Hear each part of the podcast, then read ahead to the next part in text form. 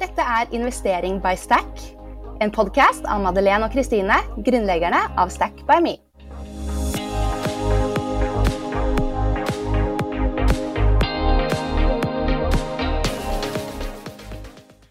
Podkasten er sponset av 247 Office, som er favorittregnskapssystemet vårt. Altså, vi har fått en Stack-sko. Ja. Eller rettere sagt, Rockamore har valgt å kalle opp ikke bare én, men to skomodeller etter deg, Madeleine. Det er så kult! Ja, jeg føler meg veldig beæret. Rockamore er jo et dansk brand som vi har begynt å se mye til i Norge nå. Det er et veldig kult konsept som lager ja, behagelige sko, selv om de er høyhælte. Og de har en svært kul kvinnelig gründer, Fredrikke Schmidt. Mm, de er skikkelig gode å gå i. Jeg har den blå Madeleine-skoen, og de har jeg bare brukt masse både på jobb og på fest. Ja, og jeg har leopard-Madeleine-skoen, som jeg syns er sykt kul. Pluss at jeg også har kjøpt den rosa Donna-slipperen. Mm, De syns jeg var utrolig kule, og bare så digg at det er trendy med slippers. De kan jeg jo ja, bruke både til hverdags og til kjole. Ja, virkelig. Og vi er nå så heldige at vi kan dele ut en eh, rabattkode til dere. Så dere kan også kjøpe Rockamore-sko til en rimelig pris. Stack 15. Så kanskje en idé til noe man kan kjøpe på avkastningen sin. ja. Eller investere det man sparer, da. Stack 15, det er jo 15% svart. Pluss at man kan jo bruke de til så mye eh, at man kan kanskje investere noen tusen ekstra pga. sko man ikke kjøpte. Ikke sant? Man eh, trenger jo virkelig ikke mange par når de fineste er så gode å gå i. Så dette er virkelig klassikere som dere kommer til å elske. Hallo og velkommen til Investering by Stack. Hallo! Hei, i denne podcasten snakker vi om penger og investering, og vi inviterer gjester med oss, for vi er så nysgjerrige på å høre hva folk tenker om penger, og spesifikt hva folk gjør med pengene sine. Og i dag så har vi ikke bare én, men to gjester her i studio, så dette blir kjempegøy. Det er Lars og Kristina bak Instagram-profilen Langhelg hver helg. Og som man kanskje kan høre av navnet, så er dette et par som har optimalisert og tilpasset sin økonomi og sitt forbruk, slik at de nå har mulighet til å faktisk ha langhelg hver helg. Og de snakker om privatøkonomi, mål, drømmer, valg og prioriteringer. Og vi syns jo at historien deres er skikkelig kul, så vi gleder oss til å høre mer nå. Velkommen hit, Kristina og Lars. Tusen takk. Yeah. Og egentlig så er det ikke bare to gjester her heller, det er tre. en liten bonusgjest. Ja, Mons eh, på to år ligger i samme rom og forhåpentligvis skal sovne. Ja, så stille, og det er koselig, det. Men uh, herlig. Kan ikke vi starte med at dere bare gir en liten intro da, på hvem dere er, for de som ikke kjenner til dere? Ja, skal jeg begynne? Ja. Em, ja, vi heter jo Kristina og Lars, og vi er vel egentlig et ganske sånn vanlig ektepar som uh, innså at uh, vi hadde veldig lite tid sammen med barnet vårt, og derfor tok veldig, veldig mange tiltak da, for å finne ut hvordan vi kunne få våre drømmeliv til å gå opp. Og så bruker vi økonomi som verktøy, da. Ikke sant? Og fordi Ja, det var dette det startet med, ikke sant. Dere hadde begge to full jobb. Eh, dere hadde akkurat fått en baby eller skulle få baby, og begynte å drømme om dette og bare OK, ha mer tid, fordi jobben liksom spiser, eh, spiser deg opp, da. Og hvordan gikk dere frem da, når dere på en måte hadde begynt å tenke på dette? Nei, det starta jo med at eh, jeg hadde en 100% jobb i tillegg til en eh, vaktordning eh, 25 av året, og eh, mye overtid og helgejobb. Og pendling. Eh, og pendling. Eh, Litt busy? litt busy. Eh, som gjorde at eh, jeg så eh, Når Mons ble født, så fant vi ut at eh, jeg så han jo eh, noen få timer i døgnet, og Kristina var praktisk en alenemor. Eh, Det syns ikke jeg var gøy, da. nei. Eh, Nei, Det var naturlig nok. Mm. så, Så Så da starta jo eh, med å drømme Da starta vi å drømme om hvordan vi kunne få mer frihet. Ja, det begynte egentlig med at det, ja, altså, vi, vi møttes eh, under korona, helt i starten av korona, og etter fire måneder så ble vi gravid. Og så, når vi hadde vært kjærester i ett år, så hadde vi en sønn. Ja, det gikk fort. fort. Ja. Det gikk veldig, veldig fort. Um, så når vi fikk han, da, det var litt sånn sjokk, på en måte. Vi gikk jo fra å være, være Jobba masse, reise masse. Um, og så plutselig så skulle vi ha ansvar for han. Mm. Og så plutselig så innså vi verdien av tid, da. Og Lars jobbet jo nesten hele tida, og jeg var nesten alltid alene med han. Og så hadde vi en ferie, en hel måned på tur, bare oss, um, på en liten roadtrip i Norge. Og da kjente vi sånn åh, så fint vi har det sammen når vi bare er oss tre, og vi har tid sammen. ja. Og det var liksom etter det så begynte vi liksom å lese mer bøker og inspirere oss mer. Og så begynte Lars å lese en bok som heter Set for Life, og der sto det liksom hvordan du kunne bo annerledes og optimalisere ja, livet ditt da, med økonomi. Og jeg tror vi hadde kommet til kapittel fire før vi allerede hadde bytta bolig. ja, shit, altså. Vi bare, dette kan vi Dette er for oss, liksom. Ja, det var bare en sånn Vi kan ikke leve på denne måten her. Det kan ikke stemme at vi bare skal ha to timer i døgnet sammen. Uh, Det må jo være en annen måte å leve på. Ja. Og når den boka bare ga oss en sånn liten sånn Det går an. Så måtte vi bare Vi bare hoppet rett på. ja. Ja, men hallo, liksom. Jeg kan jo kjenne meg så igjen. Det er sånn Jeg tenker jo det også, bare sånn Ja, eh, litt sånn hver gang man har ferie. Det er jo eh, Ja, man vil jo ha mer av det. Ja, du får mer tid med ungen, du får mer tid sammen, og du får mer tid til, til å avlaste hverandre, sånn at, eh, at begge får hvile ut og gjøre litt ting som gir energi. Mm. Ja, det er akkurat det. Men eh, ja, ok, så dere begynte å lese bøker, dere begynte å liksom faktisk vurdere dette her, da. Ja, da ble vi litt sånn inspirert, da. Og Ja. lot oss inspirere av folk på Instagram, eller lot oss inspirere av bøker og podcaster. Vi så jo at det er jo andre som på en måte har mange gode tiltak da. så vi var litt sånn ok, hva kan vi gjøre da? ja. Og så bodde vi i et nyoppussa rekkehus vi nettopp hadde kjøpt, og men så, og alle sa nå har dere jo fått det sånn som dere vil ha det der, nå må dere bli boende der.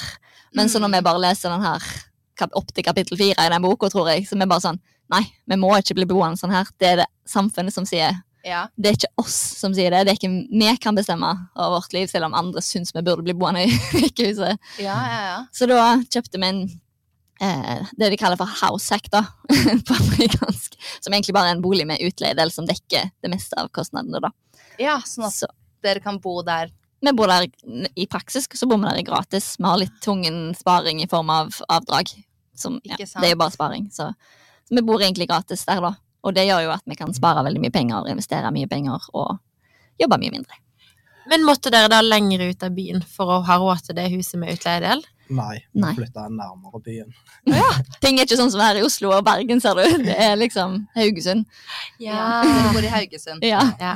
Eh, Så da, i og med at vi flytta nærmere byen, så kom vi også nærmere jobben til Kristina, eh, som gjorde at eh, da klarte vi å komme oss ut av eh, den Suburbia. suburbia, og at vi måtte ha to biler. Mm. For vi levde jo i en vedtatt sannhet om at du må jo ha to biler. Mm. Eh, Så det sparte vi jo òg veldig mye penger på. Det er jo i hvert fall en 50 000-60 000 i året som går til å ha Mm. bil. Mm. Ja, vi regnet ut at det på flyttingen eh, så sparte vi ca. 120 000 i året bare på å flytte. Og så solgte vi en bil i tillegg, som òg sparer ganske mye. Sånn at bare der hadde vi et stort kostnadskutt, da. Og dermed ble vi ikke like avhengig av Lars sin veldig overarbeida jobb, da. Selv om han syntes det var veldig gøy, så, så slapp han på en måte Det var en ut, utrolig kjekk jobb, men det var, det var en livsstil, den jobben jeg hadde. Jeg jobbet med oppdrett av laks på land, eh, og det er en eh, Det krever mye tid og tilstedeværelse, og at du er For fisken tar jo aldri fri. Nei. Eh, Den må du alltid passe på. Eh, Så det var utrolig kjekt den tiden jeg hadde det som livsstil. Men eh, når Mons ble født, så forsto jeg at det, det er, ikke, det er ikke det jeg vil bruke all den gode livskraften min på. Eh, Så da, da fant vi ut at eh, vi måtte finne på noe annet. Mm. Så vi har på en måte tatt en shortcut da, i livet. De fleste på en måte begynner jo å spare samtidig som de lever livet sitt. Mens vi på en måte tok en snarvei. Med, Mhm. Fordi bolig og transport er jo ofte de to største postene i folks budsjett. Og vi på en måte kutta de så kraftig ned, da. Så Så vi skapte det stort rom. ja, reduserte utgiftene våre med ca. 180 000 på de Ja. to postene. Det var før vi begynte å spare på andre ting i tillegg, på en måte. Så vi, ja, vi kutta nesten kostnadene våre i to. Ikke på et sant? år. Shit. Og hvis man da skal tenke hvor mye man skal tjene for å betjene de kostnadene, Ja. så er jo det Men, Ja. men istedenfor å på en måte spare mer etterpå, da, så gikk vi heller ned i stilling. uh, For man kan jo velge, du kan tid eller penger. Ja, ja, Og for oss, da, i vår situasjon når vi har et lite barn, så var det tid som var trumfa penger. ja, for det var hele tiden målet deres. Ja, eh, Kjøp oss tid. Skal vi bare optimalisere? Og det er jo superinspirerende, da. Man kan jo Alle kan sikkert finne noen poster hvor man eh, ja, virkelig burde kutte litt. Ja, jeg sa det til mannen min på veien hit i dag, da. Vi bor jo i Larvik. At eh, vi skulle podde med noen som har langhelg hver helg. Han ba, åh, at den episoden gleder jeg meg til å høre. Det var han veldig interessert i å lære mer om. Kanskje dere må selge det huset når det står nyferdig. ja, vi bygger hus. Ja, men det skal vi klare. Men vi har også Jeg har kuttet ned så at vi har én bil. Vi bodde jo i Oslo før, så vi har alltid bare hatt én bil. Men, eh, og det eh, hadde sikkert funket veldig bra hvis jeg hadde orket å bruke elsykkel. Men nå er jeg jo ganske gravid, så det er bare sånn jeg ser på den, og så bare åh. Jeg regner med det ordner seg. Ja, ikke sant.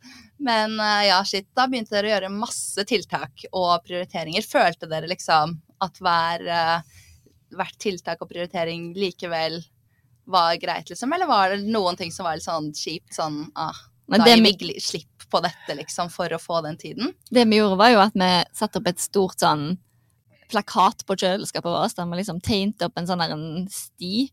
Um, og så for hvert kryss, uh, så kryssa vi for hver tusenlapp vi klarte å se, sette på investeringer, da, heller på sparing. Um, og målet var 650 000 på et år. Uh, vi endte opp med 500 000. Litt over 500 000 på et år. Um, Shit. mm, så det var ganske intenst. Ja. Vi gikk inn i et sånn skikkelig 'dette året skal vi spare'. Ja. Men underveis så fant vi ut at uh, vi ville heller ha mer tid tidligere. Sånn at vi nådde ikke det store målet med 650, eller det var fortsatt et stort mål, men sånn Vi prioriterte heller at Lars kunne slutte i jobben, og at jeg Mm. kunne gå ned til 80% stilling i jobben min Mm. istedenfor. Litt tidligere. ja, fordi først så begynte dere med å bare spare så mye dere kunne for å se at dere faktisk klarte å leve på mindre. Eh, Ja. Og så altså det, det vi gjorde, var på en måte at du eh, Litt på samme måte som livsstilinflasjon, bare spiser deg opp eh, stille og rolig, så tok vi også bare trakk alt tilbake. Eh, og så tok vi altså kjente litt på hva, hva er det som er viktig for oss. Sånn som bolig og bil, som er de to skikkelig store kostnadene, det er ikke så viktig for oss. Men eh, at når vi er ute og triller i gågaten eh, med guttungen, at vi kan stoppe og ta oss en kopp kaffe og spise en bolle, det gir oss skikkelig glede.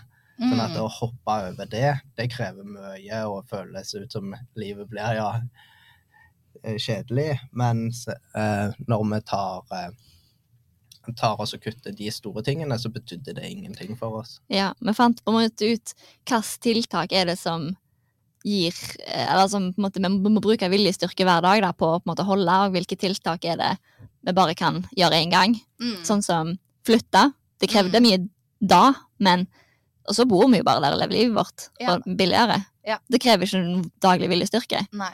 Og bare ha en bil mindre. Suck it up, du må gå til jobb. Det går fint, liksom. Ja. Det har du bare godt av, egentlig. Det, ja.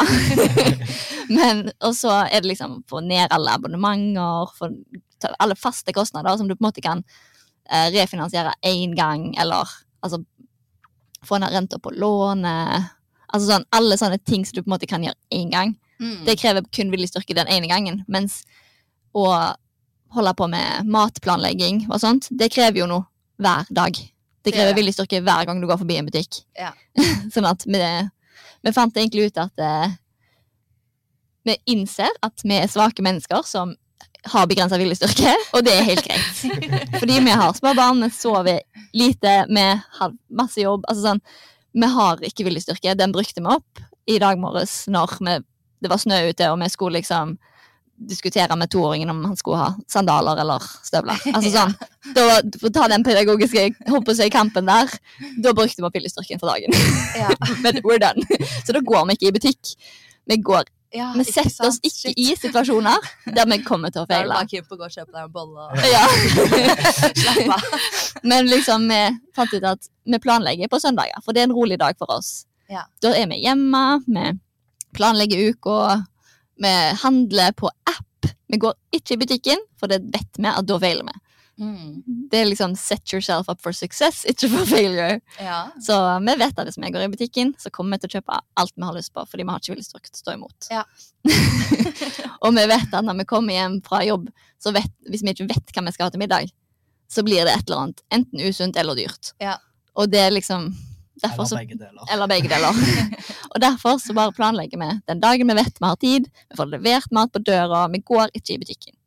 Mm. Det er liksom, Vi går ikke på shopping, vi søker ikke på nettsider der det kommer opp ting vi har lyst til å kjøpe på nett heller. Altså, vi liksom vi unngår de fristelsene der, rett og slett. Ja. Ja. Eh, og da kommer jeg ganske langt, fordi det er den viljestyrkedelen som er den tyngste sparedelen. da. Ja, det er godt å høre at dere også liksom sliter med sånne ting, men Ja. da finne eh, ja, metoder å lure seg selv unna eller holde seg unna det, det er smart. Ja, og samtidig være bevisst på at det, vi setter så pris på eksempel å gå på kafé, da. Mm. At det har vi lov til. Mm. Det har vi, skal vi ha god samvittighet for. På måte, ja, for når det er noe med det at man må jo kose seg òg. mm, Det er jo derfor man og det Dere er gjør sånn, jo egentlig dette her fordi dere vil kose dere. ja, det er jo hele poenget. Måte. Ja. Mer tid, mer frihet, mer Ja. av det som gjør oss glad, da. ja. Så jeg tror det er veldig viktig filosofi, det der med 80-20-regelen. Mm. Altså, hvis man bruker veldig mye tid på liksom å klippe opp oppvasktabletter og sånn, og så begynner du å regne på hvor mye du sparer på det, så er det ganske stusslig. Ja. Liksom Ja, jeg hadde en venninne som, eh, som faktisk prøvde på det en periode, at de skulle vaske litt mindre klær. Se om de sparte noe penger på det. Og det var sånn her, 14 kroner i måneden. Ja. Det er liksom ikke verdt å bruke hjernekapasitet på det, da. Da er det bare å bruke den. Nei. Mer stress og ja. Ja. Shit. Men hvor lang tid tok det da før dere fant ut at dere nå skulle dere For Lars, du sa opp jobben? Ja, jeg var jo i pappaperm mye av eh, 22. Ja. Eh, og så fant vi ut at, eh, at eh, når eh, Så sa jeg opp i pappapermen, sånn at jeg ikke vendte tilbake til jobben.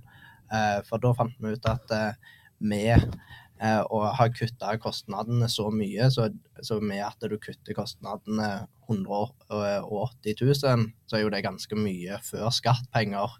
Eh, så hvis vi Eh, Så da trengte ikke jeg den høye inntekten, og vi kunne ta litt mer risiko. Så da, eh, mens eh, jeg skulle finne ut hva jeg skulle gjøre når jeg ble eh, voksen, så eh, tok jeg også jobbet for et bemanningsbyrå og jobbet på litt forskjellige spennende jobber eh, og hadde kjekke sjefer og ja, koste meg med det. Tok også eh, lada litt ut etter at jeg begynte å jobbe som 17-åring og har vært litt utbrent og sånn. Da hadde en Etter pappapermen så tok jeg og brukte høsten til å så ta meg en del eh, fridager og gå i skogen og gå på jakt og gå og fiske.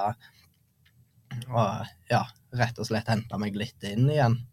Eh, mens eh, ja, tenke litt på hva, hva vi skal finne på videre. Ja, det var helt genialt, fordi der, de hadde sånne app som du kunne sette røde og grønne dager de dagene du ønska å jobbe. ja. Og da kunne han få tilbud om jobb. Så, han kunne jo ha, så da begyn- kunne begynte han allerede i høsten på en måte ha fri hver fredag. da. Ja. Em, så da han satt jo bare de Alle fredager var røde. Ja. og dermed så hadde jo han på en måte jobb når de var jobb, og det var nesten alltid jobb. i Da var du kjekk på det målet, liksom. Ja. Mm. Og så ville, hvis han ville dra ut på fisking eller på jakt eller noe en dag, så kunne han bare sette en rød dag, liksom. Det var en sånn enorm frihet å kunne velge hvilke dager du skulle jobbe. Mm. Det var helt amazing, og jeg kjente jeg ble skikkelig misunnelig. For da jobbet du helt fullt. Jeg jobbet fullt, men i, eh, fra oktober av, da, så vi, altså, vi så vi trengte ikke inntektsnivået, på en måte. Mm. Så jeg gikk ned til 80 stilling, mm. Um, sånn at uh, jeg òg hadde fri på fredager fra Yeah. oktober av, så det var sykt nice. Oh, så nå har dere hatt det i et halvt års tid? Ja, greia var at når vi så uh, hvor fint vi hadde det, og så mulighetene, så Ja. ble vi sånn Åh, vi skal ikke bare bli gründere, da. Ja. Da er man helt eh, Det er jo helt fritt, og da trenger man ikke å jobbe i det hele tatt, eller hva, Madeleine? Nei, vi jobber jo mye mer nå enn vi gjorde før, men ja, på veldig egne premisser, da. Ja. Men da uh, sa du helt opp, og så startet dere for dere selv? Ja. Ja, Så ja. jeg sa opp, en gang. Men så vi hadde tre måneder der vi på en måte var uh, hadde fri, fri hver fredag da, og fikk liksom nyte det livet der. Og så etter jul nå i dette året så eh, brukte vi jo fredagene da på å komme i gang. Og i mars da så var begge to på en måte fri. Ikke sant? Mm. Så har vi på en måte jobba i lag med bedriftene våre da. Kult. Mm. Men eh, skal dere prøve Dere fortsetter å prøve å ikke jobbe på fredager? Eller så? Det er målet. er det? Nå er det Ja. et nytt mål, på en måte. Ja, ok. Komme tilbake dit. Ja. Mm. Ja, for det er liksom også bare sånn der, man blir jo revet med, og det er sykt mye å gjøre, og klarer man da liksom å legge det faktisk helt bort? Ja, men det vi har funnet ut er jo at akkurat nå, eh, når det er så mye, så prøver vi heller å prioritere Mons. Sånn at eh, vi for eksempel, vi har ikke vekkerklokka på om morgenen. Altså, Mhm. han pleier jo å stå opp tidligere enn vekkerklokka, men når han faktisk sover da, eller vi har hatt en tøff natt eller noe sånt, så, Mm. så bare sover vi til vi våkner, og så tutler vi i barnehagen, på en måte. Tar det god tid, rolig morgen, og så kan vi hente tidligere i barnehagen, og så jobber vi heller på kvelden når han har Mm. lagt seg. Sånn at vi får på en måte vår egen type livsstil, da. At vi, selv om vi i praksis sikkert jobber mer og tenker mye mer på jobb og har egentlig en sikkert dårligere balanse mellom jobb og fritid, så får Mons prioriteringen, på en måte. Ja. Mm. Og dere er masse sammen, da, hvis dere da jobber sammen Ja. ja. gjør alt sammen, egentlig, Ja. basically. Ja, med et godt team. Ja. Herregud, det er så hyggelig. Shit, altså. Det er jo, ja, det er jo mange som er sånn å, man kan ikke jobbe med sin kjære, holdt jeg på å si, eller et eller annet sånn, men eh, Ja, men folk sier vi er det mye vi ikke kan gjøre, men vi får det jo tydeligvis til, da. Så for oss så funker det jo, men Ja, det betyr jo ikke at det funker for alle. det er akkurat det. Man må føle bare hva funker for oss, liksom. Mm. Men eh, ja, ok, kult. Da, så dere er fremdeles den der at eh, nå jobber dere kanskje litt eh, Eller dere har det i hvert fall hengende over dere, sånn som kanskje mange andre føler på også. Eh, Ja, vi er jo i en eh, oppstartsperiode av bedriften, så vi har jo ikke ordentlig inntekt eller lønn ennå. Sånn at da har vi også økt arbeidstiden litt for at vi skal raskere komme til at vi har, har inntekt og at vi kan ta ut lønn. Også at eh, når eh, vi når det, så tar vi og trapper ned igjen at det er en oppstartsperiode nå.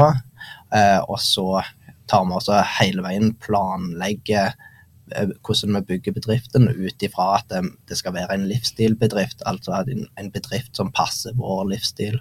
mm, Så begge to er uten lønn, da? Ja. Ja. Okay, så da tar dere de pengene dere sparte opp det året? Ikke Det går helt fint. Ja, ja, ja. Vi bor så billig. Herregud, det er jo så deilig. Men ok, si to år, ord om uh, hva dere har startet, da. Hva dere gjør. Ja, um, vi har jo egentlig to bedrifter. Den første bedriften som vi prioriterer nå, da, det, den heter Becom. Den driver med kurs innen solenergi, som er mitt fagfelt. Mm. Så det finnes ikke egentlig noe særlig kurs innen solenergi. Iallfall ikke sånn nybegynnerkurs og sånt. Så vi lager det. Så lager vi et kurs for brannvesenet, eksempel, om solenergi. Så vi, ja, det er veldig mange forskjellige folk der som kommer til å trenge informasjon og faglig påfyll om solenergi, annet enn ingeniørene som tar mastergrad i det. på en måte. Det er ikke de som er, det er ikke de vi skal nå, men det er alle andre som bare trenger litt. Mm. Så det er det vi holder på med nå. Så lager vi digitale kurs, da, så nå reiser vi rundt på forskjellige bygg og forskningsinstitusjoner og filmer teknologiene, sånn at vi kan få vise kursdeltakerne med hvordan de ser ut i praksis. da. Kult. Mm. Så det er veldig gøy. I går var vi på et testsenter i Sverige og filma. Ja, Veldig gøy. altså. Så vi koser oss med det. Ja. Og den andre bedriften det er jo langhelg hver helg, da. Ja. Den er jo bare sånn kosebedrift, egentlig. Den er bare gøy. ja, men det er liksom For det er Instagram og liksom følge reisen deres, ikke sant. Ja. Vi må jo oppfordre alle lyttere til å følge, da. For det er jo skikkelig Dere kommer med masse bra tips. Så ja. Og ja, for dere snakker jo masse om dette med økonomisk frihet, økonomisk uavhengighet. Og nå har vi jo vært inne på det, da, men på en måte hva som ligger i det for dere. Mm. Og bare Ja. Eh, For meg så, så tok jeg det starta i 2015, hvor eh, jeg tok også hadde kjøpt meg bolig året før, eh, og hadde billån, huslån, eh, litt lån til foreldrene mine, og eh, rett og slett hadde så å si like mye lån som jeg hadde eiendeler, og så innså jeg at eh, oi, plutselig begynte du å ha voksenregninger som kom på eh, hus og bil og alt samtidig, og at det, det faktisk var litt vanskelig å få ting til å gå rundt. eh, og at jeg ikke hadde, hadde penger på bok da, til å håndtere når, når det kom eh, ja, de som egentlig burde vært forutsette utgifter. Men når det kom litt større regninger, så var det litt vanskelig, og jeg betydde mye til kredittkort hver eneste måned. Eh, så da begynte jeg å lære meg økonomi, og, og jeg er en, sånn en personlighet som når du begynner å lære deg noe, så lærer du deg ikke bare litt, du, du dykker skikkelig dypt i det. Mm. Eh, så da starta jeg først med eh, betale ned lån. Eh, og etter hvert, så, når du lærer mer om det, så kommer du over til investeringer og begynte å lære om økonomisk frihet. Og jeg tror alle som har, har følt på den der med, med at det er litt vanskelig å få ting til å gå rundt økonomisk, tar også et drømme om at det, å, det hadde vært så deilig hvis jeg ikke hadde trengt å tenke, tenke på penger. Mm. Eh, så siden den gangen så har jeg stille og rolig jobba meg fra at eh, det var litt mye røde tall, til, til, at vi, til at vi har begynt å investere mye og satse på økonomisk frihet. Eh, og alt endra seg jo når, eh, når vi fant ut at vi var gravide eh, og skulle ha en guttunge.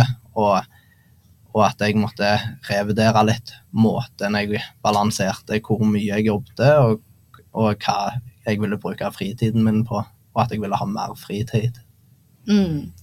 Ja, og de fleste som gjerne Den standard økonomiske uavhengighet er jo veldig sånn um, Financial independence, retire early. At Ja. du liksom skal jobbe beinhardt når du er ung for å kunne pensjonere deg tidligere. da. Mm. Um, og det var litt Moment. Fire movement, ja. Mm. Og det var jo den veien Lars var på, for han jobbet jo veldig veldig mye. Han tenkte at sånn, nå har jeg liksom sjansen til å jobbe skikkelig mye, spare skikkelig mye, og så kan jeg på en måte slappe av. Mm. Um, mens det vi har funnet ut etter Altså, jeg er litt mer sånn Yolo, jeg vil leve nå. Ja.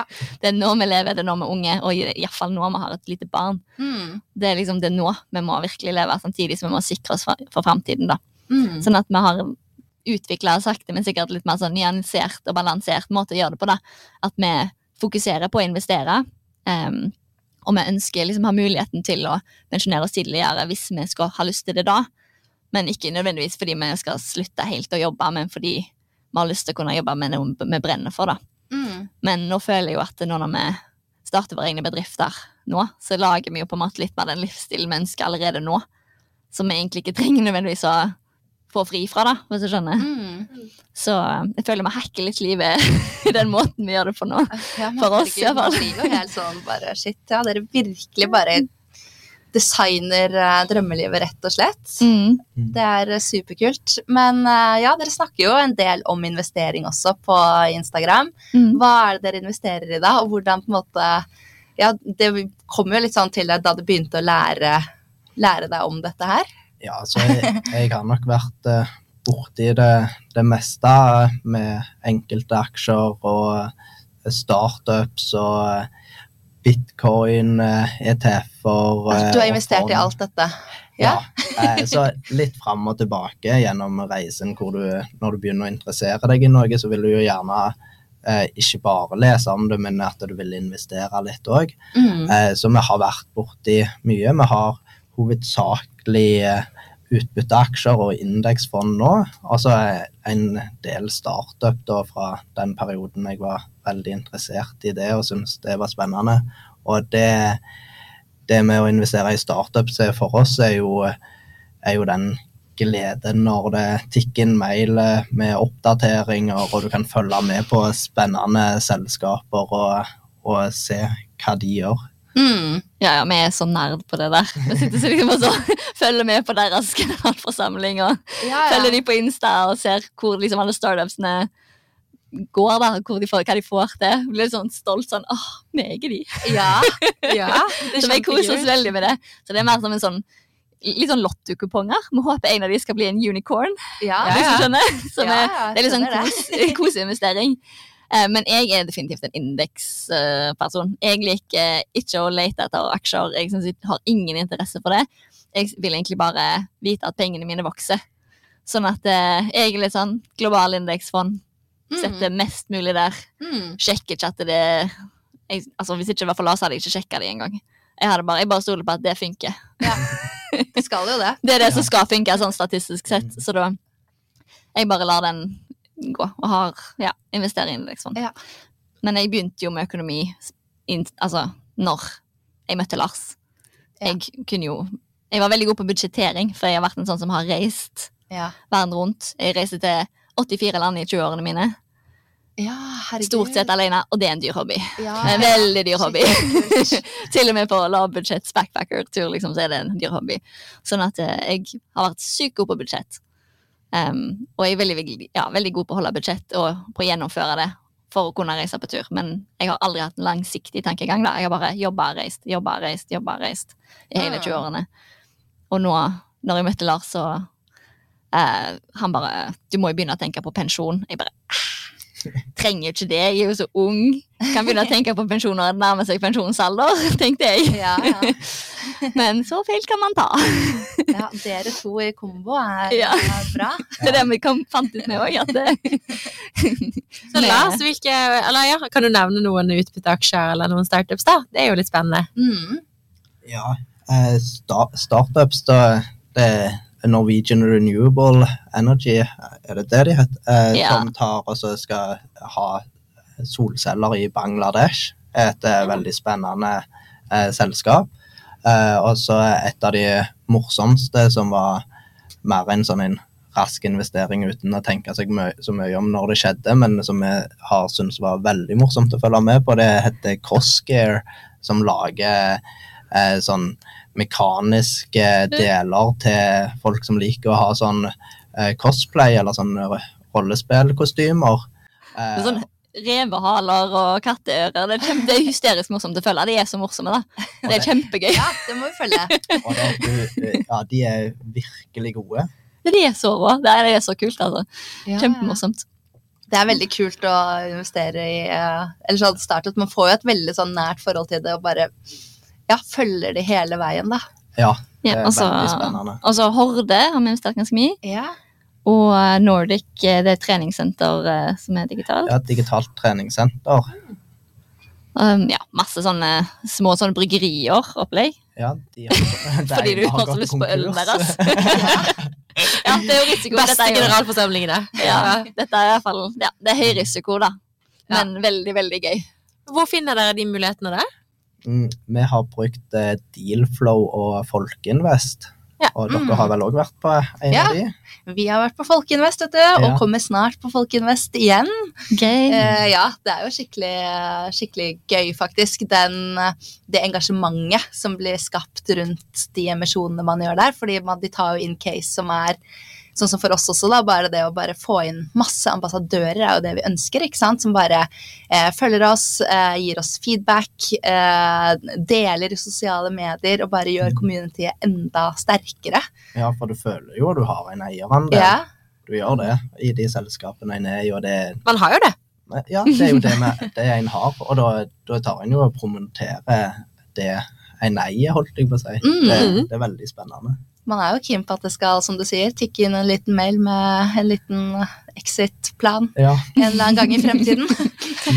Men det var jo startups. Utbytteaksjer er jo også veldig hot om dagen. Hvilke har dere det? Nei, vi har en del av de, eh, de standard store, sånn som Yara, Orkla, eh, Rana Gruber. Jeg klarer ikke å huske navnene på mine, for det er Lars som har valgt de. Ja. Jeg har ikke peiling. Jeg er indekser, liksom. Ja. Mm, Utbytteaksjer er jo sånn, jeg Ja. føler det passer veldig sånn bra inn uh, i deres uh, Det er veldig gøy å få ut utbytte. Det på I hvert fall sånn på sikt, når det blir mye, sånn at man Mm. kan leve litt på Mm. utbytte òg. Mm. Men, jeg, Men det finnes jo mange indeksfond nå, da. Hvilke, hvilke går du for? Eh, jeg går for KLP, aksje global mer samfunnsansvar, og så har jeg den versjonen som er òg eh, mot eh, Hva heter det? Fremadvoksende markeder, eller noe ja, sånt. Emerging Mm, markets. ja. Så en liten andel i det, da. Mm. Ca. sånn 80% i den jeg, vanlige store aksje global, og så liten prosent i fremadvoksende markeder. Ikke Ja. sant? Det fins jo masse fond og sånn med fornybar energi og solenergi og sånn som du er veldig opptatt av, da. Ja, jeg har hatt en litt sånn ETF eh, Ja. Jeg hadde en ETF på det, men den gikk ikke så veldig bra. Endte vi opp med å selge den, jeg klarer ikke å huske. Uh, ja, du solgte Vi kjøpte på toppen der eh, rett etter pandemien. Det, så, og så tok vi og brukte de pengene til oppussing, tror jeg. Ja, jeg klarer ikke å huske, jeg. Jeg har faktisk også et fornybarfond eh, som ikke har gått så bra siste året, som jeg syns er litt rart med tanke på energikrise liksom, i Europa, og nå skal vi slutte å importere gass fra Russland og, i, i det hele tatt, og høye strømpriser. Men, eh, men ja, men jeg tenker jo på sikt, da. At sånne ting må man eie lenge. Så det er iallfall min strategi, da. Det er bare skal bare holde det i 10-20 år, og så se. Ja, det, det er det bra. jeg tenker med utbytter. De bare, de bare er der. Om de går opp eller ned, er ikke så farlig, for vi får utbytte uansett. Ja. så det får jo noe tilbake likevel. Mm. Ja, ja, ja. Det gjør man jo. Men det gjør man jo i vanlige fond også, ikke sant? for de er jo selskaper som gjerne betaler utbytte til fondet, da. Mm. Så, Så det, forskning viser jo at, eh, at det, det klokeste er jo å investere i indeks, ettersom de, mange av de aktive ikke klarer å slå eh, indeksen over tid, og at en eh, ofte gjør litt sånn som vi gjorde med å kjøpe, kjøpe fornybarfond når fornybarfond er hot, eh, og da er det jo gjerne pga. det er mange på vei inn i et fond, og da stiger prisene, og så når det ikke er like poppis etter hvert, så, så synker det mer ned til, til ja, i prising. ja, man skal være litt forsiktig med å hoppe på trender. Ja, Men hvis det er noe man tror på langsiktig, da, så er det en portefølje med ganske mye tech og ja, litt fornybare også. Mm. Fordi, eh, ja, jeg kan ikke se for meg at liksom, tech skal deskalere, egentlig. Det er liksom, hvis ikke det er eh, på en måte PC og eh, software, så er det AI nå. Og så jeg vet ikke hva det neste er, da, men Så det er jo òg noe av det som har gått godt for meg. Det er på IPS-en min så har jeg investert i, i teknologi mye, og det har vært hyggelig. Ja. Så er det litt gøy, da. Følger med litt. Eh, Syns jeg, da. Men Ja, eh, ja, ja. indeks er jo, som du sier, eh, veldig sånn trygt og godt, og mye forskning viser at det har gått veldig bra globalt, fordi eh, USA har indeks gått veldig bra de siste 10-15 årene. Men det er faktisk en sannhet med modifikasjoner, det der at det er alltid indeks som går best. På Oslo Børs er det masse forvaltere som slår indeks, eh, og indeksen i Norge er jo 25% Equinor. Nei, unnskyld, 20. Nå, det går litt opp og ned, men eh, veldig mye Equinor. Eh, så faktisk da, har vi et blogginnlegg om dette her. Eh, så den profesjonelle, de profesjonelle fondsselectorene, da, de som velger fond for type pensjonsfond eller for eh, wealth managers, de velger ofte 50-50 aktiv indeks, rett og slett fordi at man ikke vet hva som kommer til å gå best de neste ti årene. Men jeg tror at, eh, at når en velger aktiv forvalta fond, så må en se på det litt på samme måte som når en eh, plukker enkeltaksjer. At eh, da, da krever det at du følger litt med, på grunn av at fond kan ha samme navn selv om alle ansatte blir bytta ut. Mm. Eh, og da, da er det jo faktisk et helt annet fond hvis det ikke er de samme ansatte. Mm. Det er det. Så man skal følge litt mer med, da. Så er det jo noe med filosofien også, da, hvis man er keen på den. Så Ja. som eksempel small cap-aksjer i Norden, da, eller i Norge, er jo sånn som ikke man får på indeks. Så hvis man vil ha det, så må man liksom gå den veien, da. Mm. Så vi prøver jo å Ja, vi prøver jo å preache litt begge deler, vi, da. Og det er jeg enig i. Eh, vi snakker mest om indeks i forhold til at det er en veldig god grunnmur å ha. Mm. Eh, at det du, du gjør ikke noe veldig feil med å gjøre det. Nei. Det er et veldig fint sted å starte, tenker jeg. Sånn at eh, de aller fleste som aldri har investert før, og ikke har satt seg inn i noe av dette her, og egentlig ikke orker helt å sette seg inn i det, det er det jo bare Bare begynn. Bare velg.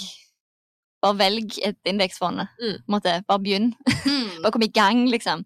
Man gjør aldri noe feil med det. Nei, du bare, bare kom i gang. Ja. Og så kan de på en måte de som har mer interesse for det, sette seg mer inn i det. Mens de som ikke har så mye interesse, og bare vil at det skal kjøre og gå, bare følge det som Bare følger merker det, liksom. Ja, det er akkurat det. Mm. Og deres sånn totalportefølje er jo, høres ut som er veldig bra. Både indeks og masse spennende krydder, og virkelig set for life for å Ja, Lars ja. han starter jo hver morgen med å sjekke Er det børsen? Ja, Og, om det kommer Pengenyheter og all slags. Altså, han, sjek- han, det er det han gjør på morgenen. Ja, Han. Mens jeg kjører, lar det bare kjøre og gå i bakgrunnen. Så det er, som er veldig forskjellig der, da. Jeg vil heller bruke livet mitt her og nå på, på andre ting enn å liksom følge med på hvor pengene går. på den måten. Ja. Ja, ja. Gud, det høres ut som dere er på god vei til uh, det som er økonomisk uh, uavhengighet for dere, altså. Eller allerede har Mm. klart veldig mye av det. Det er superkult. Men uh, ja, det er egentlig på tide å runde av her. Og vi tenker å Eller vi pleier å avslutte med en liten oppfordring, og at dere i dag skulle få lov til å komme med noen eh, ja, avsluttende visdomsord. Hvis dere har noen tips til andre som går med drømmer om å jobbe litt mindre eller bli litt mer økonomisk uavhengig. Ja, jeg ville jo kanskje sagt at eh, forstå at du har begrensa viljestyrke, det er helt normalt. Mm. Em, legg til gode vaner som på en måte der du tar hensyn til det, da. Ikke sett Mm. deg sjøl opp for å feile. Fordi hvis du går i matbutikken etter jobb hver dag med unger på slep og lavt blodsukker, sånn, så du kommer til å feile. Ja. Og det er ikke din feil, du bare er sånt. Ja. Sånn at bare prøv å lage gode vaner som funker i lengden, og sparing og investering. Det er mer som en begynnelsen på en ny livsstil, på en måte. Du må finne ut hva som funker i lengden, da. Mm. Ja. Og ja, sikkert uh, følge dere. Deres Ja, Følg oss! ja. Nå flytter vi til eh, Vi har kjøpt inngangsbillett til Thai, til Thailand i oktober. Så skal vi?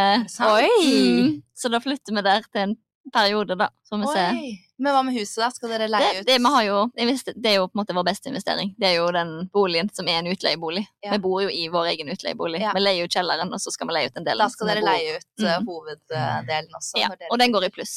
Shit. Med cashflow. Hallo, det blir så gøy å så jobbe med deres eget selskap. Ja, og så leve drømmen, rett og slett. Det blir gøy. Fantastisk. Ja, herlighet. inspirerende. Ja, veldig, veldig. Men uh, ja, bra, bra tips. Og bare at uh, virkelig alt uh, er mulig, da. At man kan faktisk bare ta noen drastiske valg og få det til. Ja. Så Du kan ta en shortcut og kutte ned på bolig og transport. Det, Ja. det er shortcuten til dette type livet. Ja. Men det er ikke så mange som er villige til å gjøre det. Nei. Og det, det er jo kanskje et annet av våre beste tips, og det er jo at eh, det handler mer om hvor mye du investerer, enn hva du investerer i. Mm. Eh, på grunn av hvis du klarer å kutte kostnadene dine og investere i en større sum, så vil den eh, bli stor. Eh, Mm. Mens hvis du investerer veldig små summer, så selv om det går tigangen, så er ikke det så mye penger. Nei. Mhm. Ja, det er veldig sant. Det er veldig sant. Og jeg liker det dere, dere gjentar det ofte på Instagram. Bare kom i gang. Ja. Bare kom i gang. begynn. Begynn. For det er det det handler om, og det er jo det vi også veldig mye preacher, da, at eh, time in the market beats timing the market, ikke sant? Yep. Være, ja, være investert, rett og Mm. slett, med så mye som mulig, som du sier. Flest mulig tiår i markedet Ja. er det beste. det. Ja, og kaching for den der. Det er bra. Bra avslutning på denne episoden. Nei, men tusen takk for deling. Eh, vi skal så klart følge dere videre og heie på dere. Thailand blir bra. Eh, herlig. Takk for i dag. Takk for i dag. Ha det. Ha det bra. Ha det.